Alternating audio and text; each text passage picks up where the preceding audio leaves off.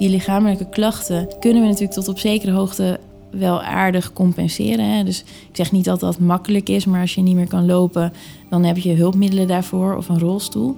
Maar als je dan kijkt naar de cognitieve klachten, uh, we hebben niet een soort uh, synoniem voor de rolstoel voor de cognitieve klachten. Dus we hebben niet een manier om dat te voorkomen. En wat ik dan terughoor van mensen met MS, is dat zij zeggen: ja, die lichamelijke klachten zijn natuurlijk behoorlijk belemmerend. Maar ik ben het meest angstig voor die cognitieve problemen. Want dat zijn wel de problemen die maken dat mensen hun werk niet meer kunnen doen, arbeidsongeschikt raken en ook wel in de relaties soms uh, tot problemen kan leiden. Al dus neurowetenschapper Hanneke Hulst, verbonden aan het VUMC in Amsterdam. Ze is gespecialiseerd in de ziekte multiple sclerose, een aandoening van het centrale zenuwstelsel. Bij patiënten met MS doet niet alleen het lichaam, maar ook het hoofd vaak niet meer mee. En daar probeert Hanneke iets aan te doen. Voor meer verhalen uit de wetenschap, kijk op onze website en volg ons op Twitter en Facebook. Mijn naam is Karin van den Boogaard. Hersenonderzoeker Hanneke Hulst is ervan overtuigd dat er meer te doen is aan de cognitieve klachten waar MS-patiënten mee kampen. In ieder geval meer dan tips en tricks als neem een boodschappenlijstje mee naar de winkel. Eerder bekeek ze in haar onderzoek waarom sommige MS-patiënten wel cognitieve klachten kregen en andere niet. En nu richt ze zich dus op het aanpakken van die cognitieve klachten. Sinds kort is Hanneke ook lid van de Jonge Academie van de KNW, een select gezelschap talentvolle jonge wetenschappers. Welkom in deze podcast, Hanneke Hulst in dit schitterende nieuwe gebouw van het VUMC. Ja, het O2-gebouw speciaal voor uh, wetenschappers eigenlijk. En dat is jouw habitat geworden nu? Ja, ja absoluut. Op de dertiende verdieping met een prachtig uitzicht. Prachtig over, eh, uitzicht. Ja, op trams en bussen. Dus als we die nog even voorbij horen rinkelen, dan weten hoe het komt. Precies. Uh, je hebt de gevolgen van MS zelf meegemaakt in naast de omgeving. Jouw moeder had deze ziekte ook. Uh, is of was het lastig de rol van dochter te scheiden van die van deskundige? Een vraag die, is een vraag die ik veel vaker heb gehad. Is eigenlijk helemaal niet uh, lastig. Ja, dat kan zegt misschien iets over mijn eigen rationele houding. Op mijn werk ben ik uh, wetenschapper. Uh, thuis was ik dochter van. en dan waren er natuurlijk altijd wel die kleine bijzondere situaties dat je een patiënt hebt in je onderzoek die hetzelfde geboortejaar had als mijn moeder. ja, dan ben je wel heel eventjes weer dat je denkt van, oh, hoe zit deze patiënt erbij? En hoe is dat dan in vergelijking tot mijn moeder? Uh, maar eigenlijk was dat verder een hele gescheiden wereld. Ik kon dan ook rustig thuiskomen met een, een, uh, een bevinding. En dan zei ik tegen mijn moeder: Nou, wat we nu hebben gevonden is dus echt een verschil tussen uh, hersenen van mensen met MS die cognitieve problemen hebben. en de hersenen van mensen met MS die dat niet hebben. Dat is zo bijzonder dat ik dat heb gevonden. En dan kon mijn moeder ook wel enigszins een, een droog, droge opmerking maken: van ah ja, heel erg leuk. En wat heb ik daar dan aan? En dan uh, nou, was dat eigenlijk ook voor mij wel weer een heel mooi reflectiemoment om dan te bedenken: ja, eigenlijk heb jij daar als individuele patiënt ook helemaal niks aan. Uh, dus daar heb je gelijk in. Maar het is wel natuurlijk, uh, ondanks dat het voor het individu misschien niet zo waardevol is om het, om het proces te snappen. En om uiteindelijk ook vervolgstappen te kunnen zetten, is natuurlijk wel heel erg belangrijk. En dan kan je die nuance natuurlijk wel maken. En ik vond dat heel erg fijn dat zij dan op zo'n moment ook even de rol als patiënt natuurlijk had. En gaf dat dan ook meerwaarde voor je onderzoek juist, omdat je privé dan op dit soort nuances weer even eh, met de neus op de feiten wordt gedrukt? Ik denk dat het zeker invloed heeft op, uh, op, op mijn wetenschap. Zeker op de manier hoe ik natuurlijk mijn wetenschappelijke bevindingen uh, naar buiten bracht. Dus ik, ik spreek natuurlijk regelmatig voor patiëntengroepen. dus ja, dat heeft zeker, is zeker van invloed. Hoe, hoe formuleer je je boodschap? En dan hou je er ook rekening mee dat wat ik als wetenschapper belangrijk vind, hoeft niet hetzelfde te zijn als wat de patiënt belangrijk vindt. De patiënt wil misschien juist natuurlijk antwoorden die voor hem of haarzelf van belang zijn. Daar kan je natuurlijk op inspelen, maar het zijn ook wel uh, zaken die je weer een beetje terugneemt naar, naar het wetenschappelijke vraagstuk. En dat, dat is mijn moeder, maar dat is uiteindelijk is dat de hele MS-groep uh, natuurlijk. Ik stond afgelopen zaterdag in Groningen voor 100 uh, patiënten en hun, nou ja, hun familieleden. Ja, dan neem je vragen die je daar krijgt uh, neem je serieus. En dan denk je ook wel, nou, deze vraag moet ik ook misschien nog eens aanpakken in, mijn, uh, in dit mooie gebouw hier in Amsterdam. Achteraf ben je blij uitgeloot te zijn voor medicijnen, drie keer maar liefst. Hier ligt duidelijk je hart. Ja, en dat is heel gek, want dat had ik echt nooit verwacht. Het was ook best wel, uh, nou ja, als 18-jarige uitgeloot worden met als droom om arts te worden. Dat zat best wel diep geworteld. En die derde keer was ook best wel een tegenslag. Mijn broertje werd dan vervolgens wel in één keer ingelood. Dus dan heb je nu ook nog even in zo'n gezin uh, een soort uh, strijd van waarom jij wel en ik niet. Maar als ik vandaag de dag kijk naar hoe ik werk als neurowetenschapper tussen al die artsen, dus met radiologen, met neurologen, met neuropsychologen, revalidatieartsen. Ik werk zo nauw met hen samen, maar ondertussen mag ik wel uh, ook gewoon heel erg nadenken over voortgang, over hoe gaan we verder, hoe gaan we dit veld vooruit helpen. En daar zit ook een stukje uh, creativiteit, denk ik, in. Uh, waar ik heel erg blij van word. Dus ik denk uiteindelijk dat, dat ik als wetenschapper beter tot mijn recht kom. Dus ik heb aan de ene kant wel de patiënt, want ik doe natuurlijk wel heel uh, nauw verwant onderzoek aan de medische wereld. Maar ik mag op al die levels meepraten en meedenken en, en daar word ik heel erg blij van. Ik praat met de hersenonderzoeker Hanneke Hulst over MS, een aandoening van het centrale zenuwstelsel. Uh, dat levert steeds meer lichamelijke achteruitgang op, maar ook cognitieve klachten. Eerst die lichamelijke achteruitgang. Wat kunnen patiënten met MS niet meer? Ja, dat vind ik een hele lastige vraag. Want MS is een, ziekte die, uh, waarbij littekentjes ontstaan, of we noemen dat lesies, in de hersenen. En die ontstaan eigenlijk op ra random locaties. Dus er is geen enkele persoon met MS identiek aan de andere. Dus ja, je moet je echt voorstellen, die, die vlekjes of die littekens zitten uh, verspreid door het brein. Afhankelijk van waar die lesies zitten, geeft dat natuurlijk bepaalde klachten. En de klachten die we op lichamelijk uh, gebied zien, dat kan problemen zijn met zien. Dus bijvoorbeeld wazig zien met één oog of dubbel zien. Maar het kan zich ook uiten in gevoelstoornissen. Dus dat we soms horen dat mensen één helft van hun lichaam niet meer goed voelen. Uh, het gevoel hebben op spijkers te lopen of juist het gevoel hebben op watten te lopen, terwijl dat uh, eigenlijk niet, in beide gevallen niet aan de orde is.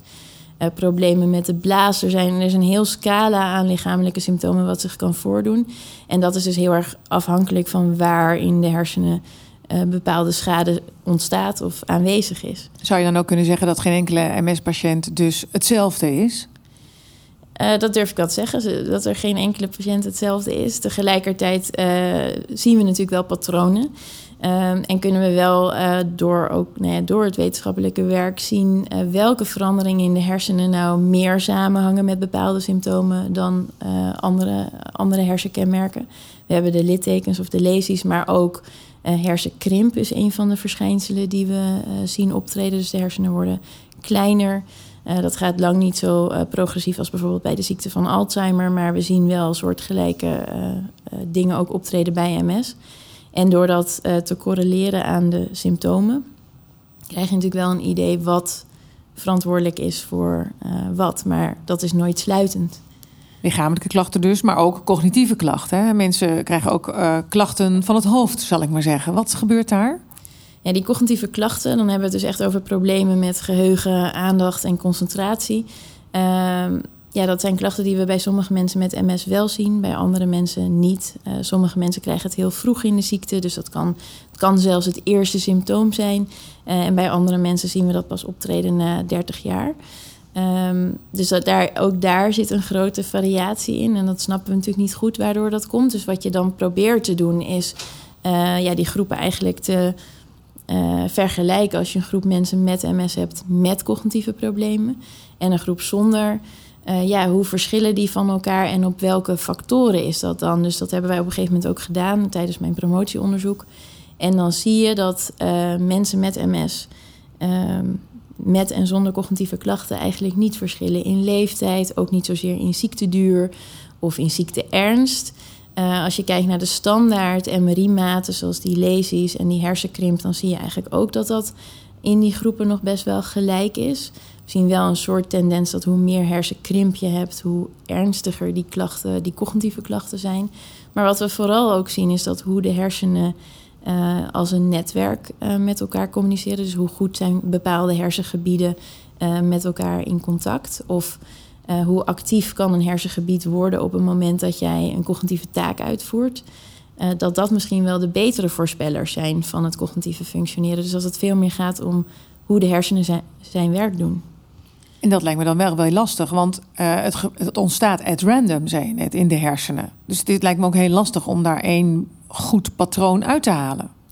Ja, dus die, uh, die littekens die ontstaan random. Uh, en ook die hersenkrimp is natuurlijk een, een proces wat redelijk random uh, verloopt. Maar wat we dus hebben gedaan is juist eh, in de scanner. Dus dan moet je je echt voorstellen, iemand gaat die, die tunnel in. Die krijgt dan via een spiegel, kunnen ze op een scherm kijken. En dan kan je daar allerlei taakjes op projecteren. Kunnen ze via een knoppendoos ook antwoord geven. Dus wat je op dat moment eigenlijk vraagt, in mijn geval ging het om een geheugentaak. Of mensen inderdaad dingen goed kunnen onthouden. Dus eerst krijgen ze plaatjes te zien, moeten ze duiden of het tropisch of niet tropisch is. En dan na een half uur uh, geven ze aan, dit plaatje heb ik al eerder gezien of dat heb ik nog niet eerder gezien. En wat je dan krijgt is, dan kijk je dus eigenlijk naar echt het, de primaire hersenfunctie, namelijk onze geheugenfunctie. Dat is de hippocampus, die zit links en rechts boven ons oor opgekruld en heeft ook nog de vorm van een zeepaard. Vandaar ook de Latijn, Latijnse naam hippocampus. En wat, wat we dan eigenlijk bekijken is niet zozeer de lesies of de hersenkrimp, maar meer hoe goed doet die hippocampus het eigenlijk. En dan zie je dus dat ongeacht waar die littekens zich bevinden, uh, dat je wel veranderingen in de, in de hersenactiviteit ziet. En dat dat wellicht een belangrijkere voorspeller is. Dus dat dat wellicht ook uh, niet één op één relateert aan die structurele schade. Dus dat je, je hebt structurele schade, dus echt beschadigingen in het weefsel. Um, maar we hebben ook schade aan, aan de functie. En die, die functieschade, dat is iets waar we denken dat het belangrijkste is, waar die cognitieve klachten vandaan komen. Dus mensen hebben lichamelijke klachten en cognitieve klachten, zoals jij die net beschrijft. Wat doet dat met, uh, met mensen die eerst gewoon hartstikke gezond waren? Nou ja, ik denk dat een ziekte als uh, MS, en dat is natuurlijk voor mij uh, lastig om me helemaal goed in te verplaatsen, maar dat is natuurlijk een, een zeer heftige boodschap. Hè. Diagnose wordt vaak gesteld op jonge leeftijd. Dus mensen tussen 20 40 jaar uh, krijgen het, het, meest, ja, het meest de diagnose. Het kan ook later. Dat zijn natuurlijk wel mensen die midden in het leven staan. Dus die een carrière proberen te maken of een gezin hebben. En dan komt er ineens zo'n chronische ziekte om de hoek kijken die onvoorspelbaar is. Want de ene persoon gaat harder achteruit dan de ander. Um, dat in zichzelf is natuurlijk een enorme impact. En dan hebben we het over ja, lichamelijk uh, versus cognitief. Die lichamelijke klachten um, kunnen we natuurlijk tot op zekere hoogte wel aardig compenseren. Hè? Dus ik zeg niet dat dat makkelijk is, maar als je niet meer kan lopen, dan heb je hulpmiddelen daarvoor of een rolstoel. Maar als je dan kijkt naar de cognitieve klachten, uh, we hebben niet een soort uh, synoniem voor de rolstoel voor de cognitieve klachten. Dus we hebben niet uh, een manier om dat te voorkomen. En wat ik dan terughoor van mensen met MS, is dat zij zeggen: ja, die lichamelijke klachten zijn natuurlijk behoorlijk belemmerend. Maar ik ben het meest angstig voor die cognitieve problemen. Want dat zijn wel de problemen die maken dat mensen hun werk niet meer kunnen doen, arbeidsongeschikt raken en ook wel in de relaties soms tot problemen kan leiden. Dus reden te meer om ook zeker eh, naar die cognitieve klachten te kijken, naar een oplossing uh, daarvoor. Want zoals je zelf zegt, een rolstoel kan een lichamelijke klacht verhelpen, maar dit is gewoon een heel ander verhaal. Eerst nog even over het voorkomen van die cognitieve klachten. Is er ook nog een verschil? Je hebt net al een aantal dingen genoemd, maar bijvoorbeeld um, hoger opgeleide, lager opgeleide? Ja, wat we zien als je probeert te snappen wanneer cognitieve problemen optreden, dan zien we vaak dat als mensen hoog opgeleid zijn, uh, dat het lijkt dat de cognitieve problemen uh, later in de tijd zich voordoen. Of dat hoge opleiding samenhangt met een betere cognitieve functie. En de gedachte daarachter is, we noemen dat ook wel de cognitieve reservehypothese dat op het moment dat je hoog opgeleid bent, dan heb je waarschijnlijk gewoon meer connecties gemaakt. Je hebt je hersennetwerk uitgedaagd op een bepaalde manier. Uh, waardoor op het moment dat daar schade in ontstaat, je wellicht daar wat beter tegen kan. Of dat je iets meer capaciteit hebt om om die schade heen te werken en toch de functie te behouden. En daarbij wil ik wel de uh, kleine uh, side note plaatsen. Dat hoge opleiding is daar natuurlijk maar... dat is een maat die wij als wetenschappers gebruiken... omdat het duidelijk is. Ik kan namelijk gewoon vragen hoe lang uh, heeft iemand op school gezeten of hoeveel jaren opleiding heb je gehad. Maar dat wil natuurlijk niet zeggen als je weinig jaren opleiding hebt gehad, dat je niet je hersennetwerk hebt uitgedaagd. Dus er zijn voldoende mensen met een lagere opleiding die van alles doen uh, aan sporten, aan piano spelen, noem maar op. En dat is natuurlijk ook een manier van de hersenen uitdagen en het hersennetwerk uh, verrijken, eigenlijk als het ware. Als je kijkt naar de verdeling geslacht, maakt dat nog iets uit? Mannen, vrouwen met MS? Nou ja, sowieso in het voorkomen van de ziekte uh, maakt dat al uit. Want we zien dat MS eh, vaker voorkomt bij vrouwen uh, dan bij mannen. wel is het zo dat als mannen de ziekte krijgen, zijn ze er ook vaak ernstiger aan toe. Dus dan zien we meer schade, dan zien we meer hersenkrimp. En uiteindelijk dus ook meer cognitieve problemen. Dus we zien wel dat Um, nou ja, er zijn minder mannen met MS, maar als ze het krijgen, zijn ze ernstig aangedaan, eigenlijk op alle vlakken. Ik praat met Anneke Hulst, zij is hersenonderzoeker. Wij praten over de ziekte MS en wat we kunnen doen aan de cognitieve klachten die mensen met MS ondervinden. Klachten die gewoon bovenop lichamelijke klachten eigenlijk nog vervelender zijn. Want dat zijn jonge mensen, zoals je net beschreef, Anneke, hè, die het gevoel hebben van nou, dan kan ik bijvoorbeeld niet meer lopen, maar ik vergeet ook van alles en mijn hoofd is ook aangetast. Wat kunnen we daaraan doen? Nou, vertel eens, wat uh, kan je er meer aan doen dan simpele tips en tricks? Want dat is iets waar jij onderzoek naar doet. Ja. Nou, de, de tips en tricks die, die hebben we gelukkig wel. Dus dat wil ik toch nog even noemen. Uh, binnen de zorg hebben we dan het programma dat heet ook heel toepasselijk niet rennen maar plannen. Uh, dat is eigenlijk een soort uh, ja, manier om in een soort cognitieve gedragstherapie te leren leven met de klacht die er is. Dus dat gaat nou ja, voor een groot deel van de mensen leiden tot een verbetering van de kwaliteit van leven. Dat ze toch de dingen kunnen doen zoveel mogelijk met de klachten die er zijn. Ja, jij wil daar duidelijk over zijn. Jij doet daar niets aan af, dat is prima. Hè? Maar jij wil denk ik ook um, kijken wat er uh, kan gebeuren om ze te voorkomen. Als je, hè? Om ze te voorkomen of, of nog om het te verhelpen. Hè? We weten natuurlijk dat. Um, nou ja, op het moment dat er klachten zijn, dan is natuurlijk de vraag hoe plastisch zijn die hersenen nog. Hè? Dus betekent het dat als er een probleem is, laten we voor het gemak de hippocampus nemen met geheugenfunctie. Iemand met MS heeft geheugenklachten, de hippocampus heeft minder hersenactiviteit. Is het dan mogelijk door middel van bepaalde interventies, en dat kan farmacologisch zijn, maar je kan ook denken aan niet-farmacologische interventies, kunnen we dan ervoor zorgen dat die hippocampus weer beter zijn werk gaat doen? Met farmacologisch bedoel jij medicijnen? Ja, we kunnen ehm, de gewone standaard MS-medicijnen natuurlijk bekijken. Van wat hebben die voor invloed op hippocampusactiviteit in dit geval? Uh, of bepaalde middelen die we bij de ziekte van Alzheimer gebruiken. Zou dat bijvoorbeeld bij MS-patiënten ook werken? Maar je kan ook denken aan uh, niet-farmacologische interventies. Dus een computertraining bijvoorbeeld. Of uh, dans of bewegen.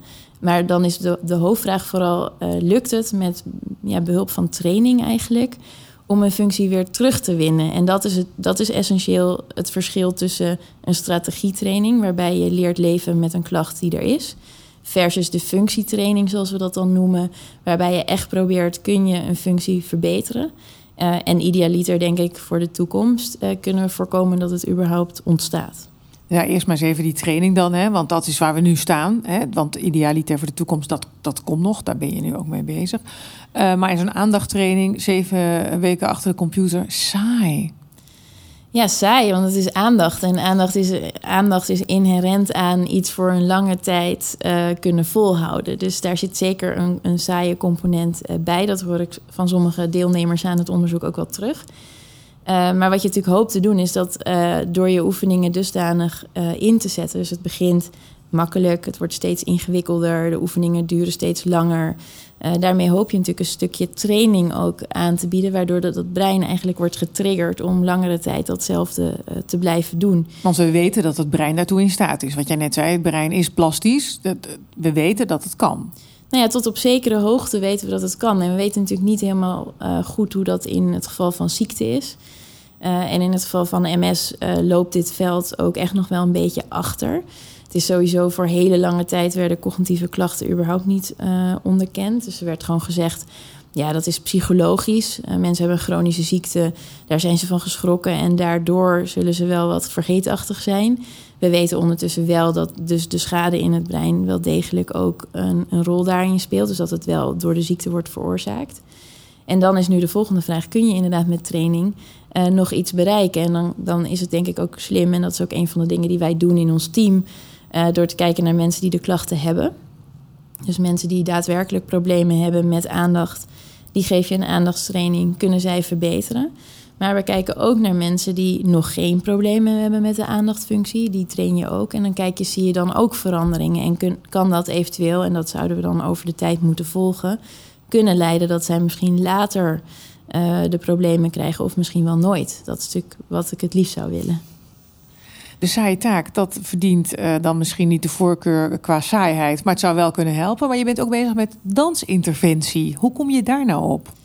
Ja, dans is, uh, nou ja, los van het feit dat ik zelf altijd ballet heb gedaan en nog steeds doe, is iets waar ik zelf natuurlijk affiniteit mee heb. Maar het is vooral ook als je kijkt naar wat dans is. En dat hangt natuurlijk nog een beetje vanaf welk type dans je bekijkt. Maar dans is bewegen. Uh, maar dans is ook choreografie. En choreografie betekent dat je um, nou ja, niet alleen maar een beweging maakt, maar dat die beweging in een bepaalde volgorde komt. Of dat je een bepaald product maakt of een bepaalde beweging heeft een bepaalde naam. Dus daar zit een geheugencomponent in. Ja, want dat was mijn volgende vraag. Moet het per se dansen zijn? Kan andere beweging ook? Maar juist die combi met die choreografie, dat, dat plan, hè, de, de vorm waarin je die dans giet, dat is de. Nou ja, dat is wat, wat de hypothese is. Dat je dus eigenlijk, uh, we weten dat bewegen, als je kijkt naar diermodellen, als dieren veel bewegen, dan worden er uh, stoffen in de hersenen vrijgemaakt die ervoor zorgen dat uh, de neurogenese weer in, dus, dus groei van cellen in de hippocampus kan optreden. Dat weten we vanuit het diermodel. We weten van mensen dat gezonde ouderen die veel bewegen, dat ze een beter geheugen hebben dan mensen die, dan ouderen die minder bewegen. Um, dus de vraag is natuurlijk van uh, hoe werkt dat dan ook weer in ziekte? En dan kan ik me voorstellen dat doordat je bewegen pakt, maar ook meteen tegelijkertijd een, uh, ja, eigenlijk een, een, een, vraag stelt aan dat geheugensysteem, dat die combinatie van die twee misschien wel een groter effect heeft dan wanneer je die losse componenten zou trainen. Of dat waar is, ja, dat moet ik natuurlijk nog laten zien. Hoe heb je dat aangepakt? Wij hebben mensen met MS geselecteerd die eigenlijk uh, in ieder geval zelfstandig kunnen lopen. Uh, dat is een keuze voor het onderzoek, want ik denk dat je zelfs mensen die niet meer kunnen lopen nog steeds kan laten bewegen op een bepaald niveau. En wij hebben hen uh, twee keer per week laten dansen in het Nationale Muziektheater in Amsterdam in een studio van het Nationaal Ballet. En daar hebben zij ehm, nou ja, twee keer per week een uur les gekregen. Dat is een combinatie van klassiek ballet en moderne dans. En uh, ja, zij hebben die, die, die danslessen doorlopen uh, met heel veel plezier in een groep. Dus ja, was, los van het experiment lijkt me het ook hartstikke leuk om te doen. Het was zeker een van de, de meest leuke interventies die je kan bedenken. En um, ja, de vraag is natuurlijk of het, of het haalbaar is voor mensen om zoiets in hun dagelijkse praktijk in te bouwen. Maar ik denk dat voor mij de eerste vraag nu is: heeft dit gewerkt? Uh, de dansgroep is klaar. We zijn op dit moment de controlegroep aan het uh, afmaken. Dat is een groep die uh, acht weken niks heeft gedaan, dus die wel alle MRI-scans krijgt. En op het moment dat we die groep compleet hebben, uh, kunnen we daar ook de, de resultaten van gaan bekijken. Ben je er vaak bij geweest? Heb je gekeken met veel plezier? Ik heb zeker een aantal lessen uh, bijgewoond. We hebben sowieso alle lessen gefilmd. Ook om nog eens terug te kunnen kijken van hè, als dit straks blijkt dat het werkt, wat hebben ze nou precies gedaan? Uh, veel van, uh, een aantal van mijn studenten hebben, zijn aanwezig geweest. En wat ik heel erg grappig vond, op een gegeven moment kreeg ik op een zaterdagochtend een uh, berichtje. Ze gaan straks na de les met elkaar lunchen. mag dat? Waar ik natuurlijk dacht, ja, natuurlijk mag dat. Maar wat natuurlijk wel gebeurt op het moment dat je een groepsinterventie doet, zoals deze, uh, dat mensen elkaar ook uh, weten te vinden. Ze vinden elkaar aardig, uh, ze vinden het leuk. dus natuurlijk, aan het einde van deze rit kan ik wellicht niet de vraag beantwoorden: was het inderdaad dans, bewegen en choreografie samen? Ik kan straks alleen maar beantwoorden: het was het de combinatie van alles. Dus het dansen en het bewegen, ook de muziek maar ook het sociale en, en het geheel. En dan zou een volgende vraag moeten zijn: wil je dat nog los van elkaar trekken? Of kunnen we gewoon zeggen: het is prima om te weten dat deze combinatie dit effect heeft? Wel een onconventionele aanpak om dansen als beweegmiddel te onderzoeken. Ik vind het eigenlijk een briljant idee.